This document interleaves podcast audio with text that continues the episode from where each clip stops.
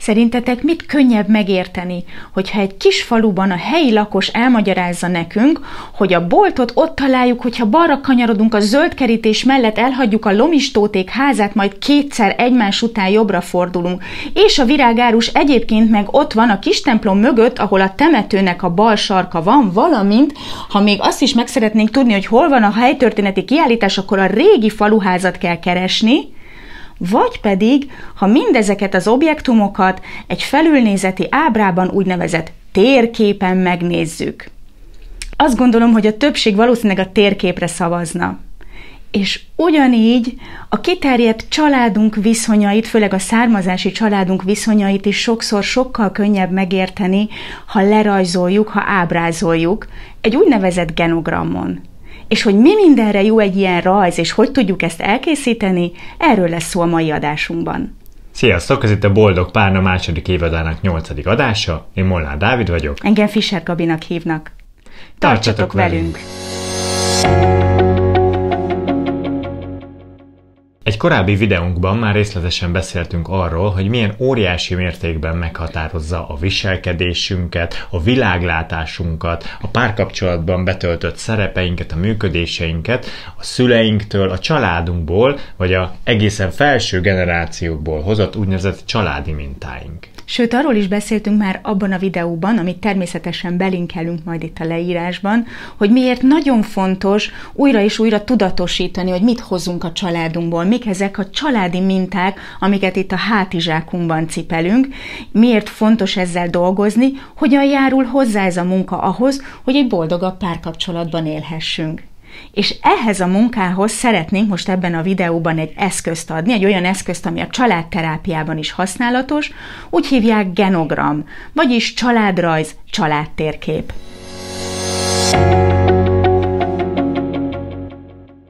A családrajz, családtérkép bemutatja három-négy generációra visszamenően a családunknak a viszonyait, a kapcsolatrendszereket, kikinek a gyereke, felmenője, nagynénie, unokatestvére, ők milyen életkorúak jelenleg, illetve ha elhunytak, hány évesen haltak meg, hogyha nagyon részletesen rajzoljuk le, már pedig érdemes részletesen lerajzolni.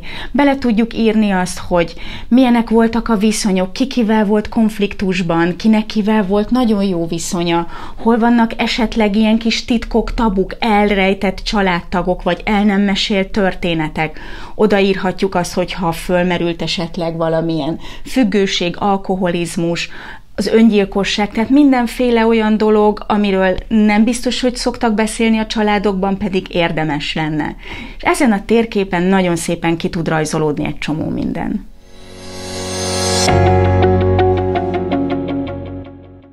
Ha esetleg még soha nem rajzoltál ilyet, akkor mindenképp érdemes, mert hogyha felrajzol tényleg ezt a három-négy generációt egy ábrába, akkor felfedezhetsz olyan mintázatokat, amik a családban meghatározó vonulatok voltak, és a mi működésünket is meghatározza ezáltal.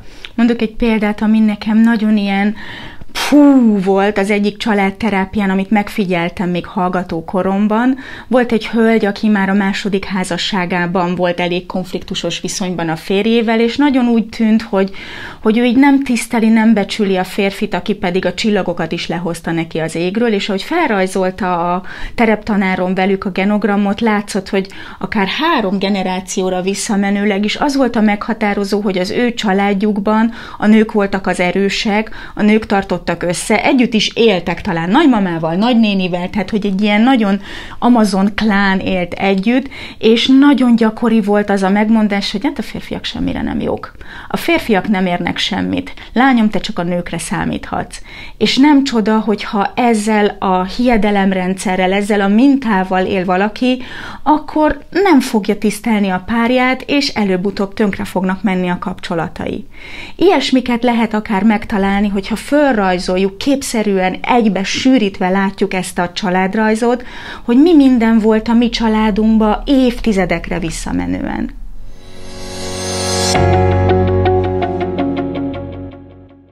Ez az egész felfedezés igazából már ott elindul, ahogy megpróbáljuk felrajzolni a rajzot, és esetleg rájövünk, hogy hoppá, itt vannak fehér foltok. Te jó égén, lehet, hogy nem tudok egy csomó mindent a családtagjaimról, és ilyenkor már elindulhat az a gondolkodás, hogy húha, nálunk vannak titkok, vannak tabuk, mennyire nyílt a kommunikáció a mi családunkban a nehéz kérdésekről. Lehetséges, hogy ez a sok ismerethiány engem úgy befolyásol, hogy én sem tudok nyíltan kommunikálni egy csomó mindenről. Már itt a rajzolásnak a kezdeti fázisában ilyesmiket felfedezhetünk. Például lehetséges, hogy azért nem beszélünk Géza bácsiról, mert volt egy elhallgatott házasságon kívüli gyermeke. Vagy lehet, hogy azért nem beszélünk Marika néniről, mert ő mindig olyan furcsa férfias dolgokat hordott, autószerelőnek tanult, és így hú, ez nem fér bele a mi családi rendszerünkbe, még szerencs, hogy elköltözött Ausztráliába, jobb is, ha nem veszünk róla tudomást. Vagy például ott van Laci bácsi, akiről a család azért nem vesz tudomást, mert hát alkohol problémái vannak. Az ilyenekből már a rajzolás környékén láthatjuk, hogy mik azok a problémák, mik azok a szabályellenességek, amikről a családunk nem szívesen vesz tudomást, és ezért befolyásolja azt is, hogy mi miről veszünk tudomást, vagy miről nem veszünk szívesen tudomást. A családban felelhető szabályok, más néven normák határozzák meg, hogy ki vagy milyen viselkedés a normális, és mi az, ami nem normális. És erre láthatunk a genogramunkon olyan példákat, amivel én most nemrég szembesültem egy képzésen, amit tartottunk egy kolléganőmmel.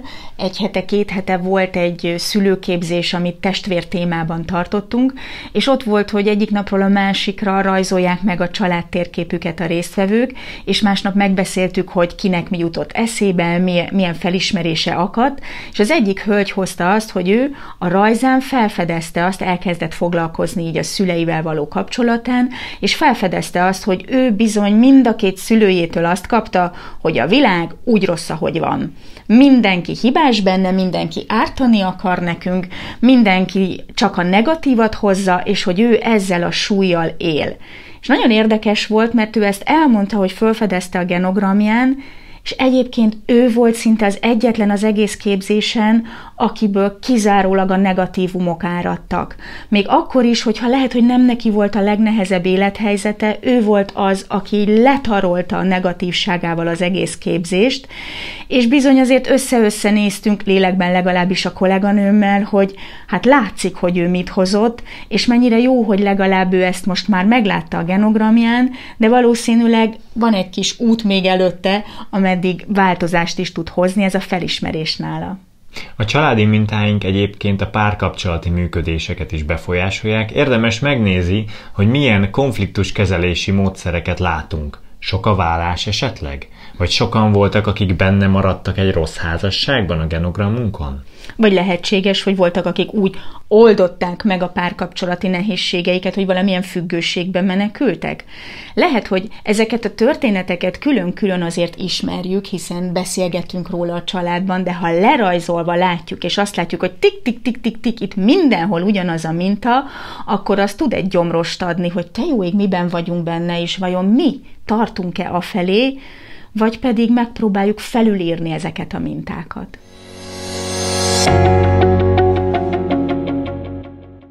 Az is nagyon tanulságos lehet, hogyha nem párkapcsolati mintákra jövünk rá, hanem generációk közti mintázatokra. Ez megint ugyanazon a szülőtréningen volt, hogy egy másik hölgy azt mondta, hogy ő azt fedezte föl, hogy három generációra visszamenőleg női ágon minden nőnek nagyon rossz volt a viszonya az anyósával, és ő is ugyanezt újra játsza, hiszen azt tapasztalta meg, hogy az élet ilyen. Így kell csinálni az életet. Ezt hordozza a zsigereiben, ezt látta nulla éves korától, hogy a nőknek az anyósukkal rossz viszonyuk van. És tudat alatt beépült, hogy ilyen a világ, ezt mi így csináljuk, és viszi tovább ezt a mintát. És nagyon fontos azt látnunk, hogy ezeket baromira nem szándékosan csináljuk. Az összes szarságot, amit csinálunk, nem szándékosan csináljuk, hanem valahogy ezt tanultuk meg, és tudattalanul visszük tovább.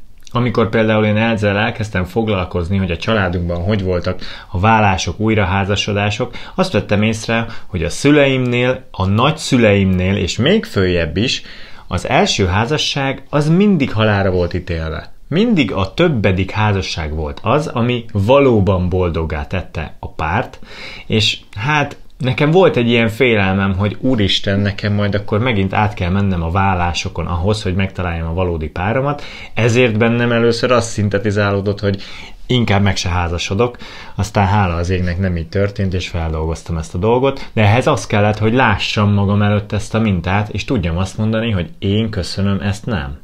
Te lehet, hogy már rögtön a második házasságoddal kezdtél, nem? Lehetséges.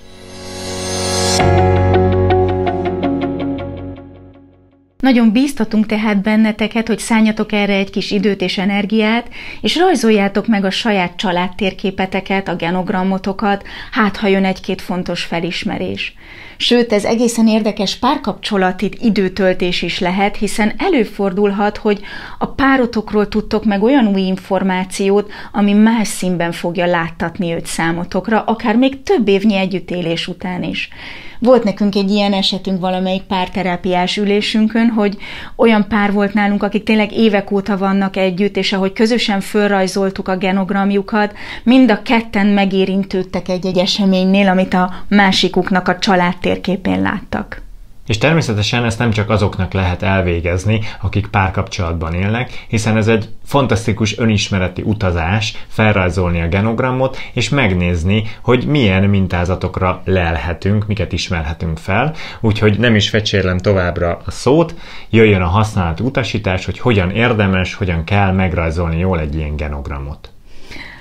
A Skywalker családot fogjuk segítségül hívni ehhez a genogramhoz, hogy lássátok, hogy mit kell csinálni, méghozzá egy olyan adott pillanatban, amikor a hetedik rész, az ébredő erő kezdődik, abban a pillanatban létező családfát fogjuk most közösen megrajzolni.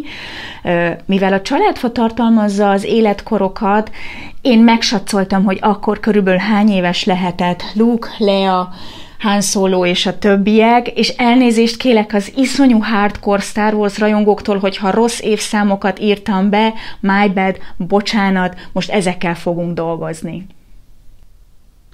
Ezen az első rajzon azt láthatjátok, hogy a családnak a jelenleg élő és legfontosabb tagjait rajzoltam föl, méghozzá úgy, hogy négyzettel a férfiakat, ezt így szokás, és körrel most az jelenleg egy szem hölgyet. Az ábrába pedig az életkorukat írtam be, úgy, ahogy éppen én most megsatszoltam, ahogy az előbb említettem. Ezt mindenkivel tegyük meg, írjuk be az életkorát, sőt azoknak is, akiket később majd úgy tüntetünk föl, hogy ők már nem élnek.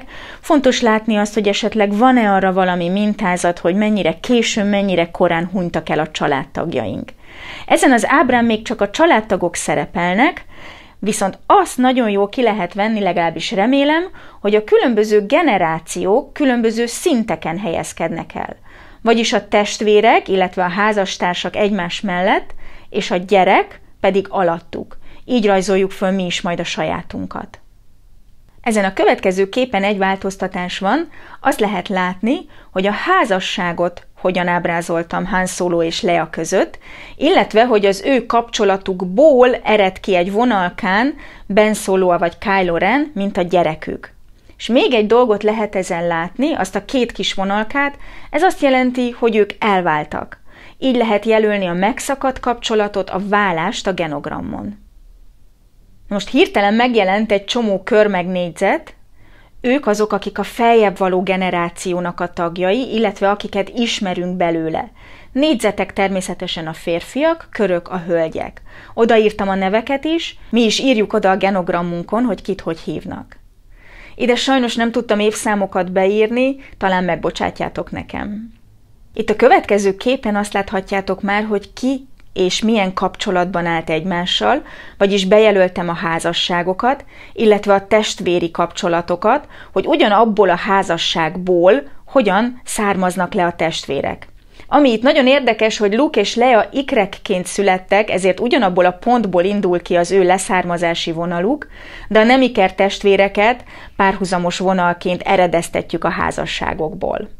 Ami új ezen a képen az az, hogy akik már nem élnek, azokat egy X-el, egy áthúzott vonallal jelezzük, aki a ti családotokban is elhunytként szerepel a családfátokon, így jelöljétek. Az új jelölés, amit ezen a rajzon láttok, az az, ami a két örökbefogadói házaspártól ered Luke és Leia felé. Ez valami olyasmit jelent, hogy távolabbi kapcsolat a családon belül, Ilyet lehet akkor is jelölni, hogyha valakinek egy nagynénivel, egy nagybácsival, egy unokatestvérrel volt esetleg szorosabb kapcsolata, de ilyen közvetlen leszármazási kapcsolat nincsen köztük. Ez már arról is szól, hogy ki milyen minőségben kapcsolódott valakihez a családtagjai közül. Itt most Anakin Skywalker, vagyis Darth Vader és Padme közé ezt a nagyon sűrű húzást tettem, ez azt jelenti, hogy nagyon szoros, nagyon erős, már-már elválaszthatatlan kapcsolat van két ember között. Jelöljétek így azokat a családtagjaitokat, akikről így emlékeztek, vagy akikkel ti vagytok ilyen kapcsolatban.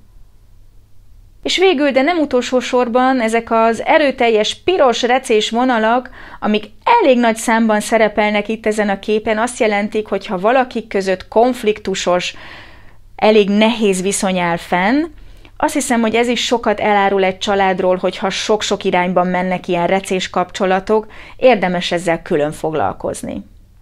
Ezek tehát azok az alapjelölések, amikkel a kapcsolatrendszereket, a kapcsolatok minőségét meg tudjátok mutatni egy családfán, de rengeteg más információt is érdemes lehet odaírni.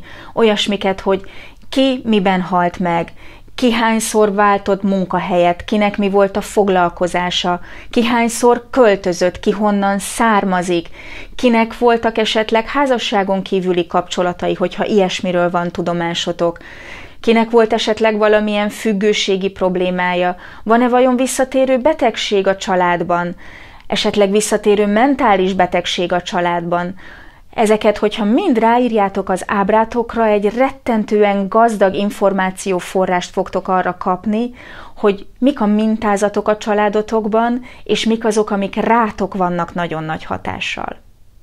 Vagy akár az is fontos lehet, hogy ki milyen életkorában házasodott, mikor született az első, második, többedik gyereke. Nálunk például ez egy érdekes mintázat a családban, hogy anyukám 19 éves volt, amikor én születtem, én 20 éves voltam, amikor az első lányom megszületett. A lányaim mondjuk már egy kicsit túl vannak ezen a koron, de nagyon benne volt a levegőben, hogy esetleg ők vajon folytatják ezt a mintázatot. És most, hogy már felrajzoltátok ilyen színes, szagos, széles vásznúan a családotok térképét, lássatok neki annak, hogy megnézitek, vannak-e mintázatok, vannak-e ismétlődések, és mik lehetnek azok, amik ilyen nagy aha élményt okozhatnak nektek.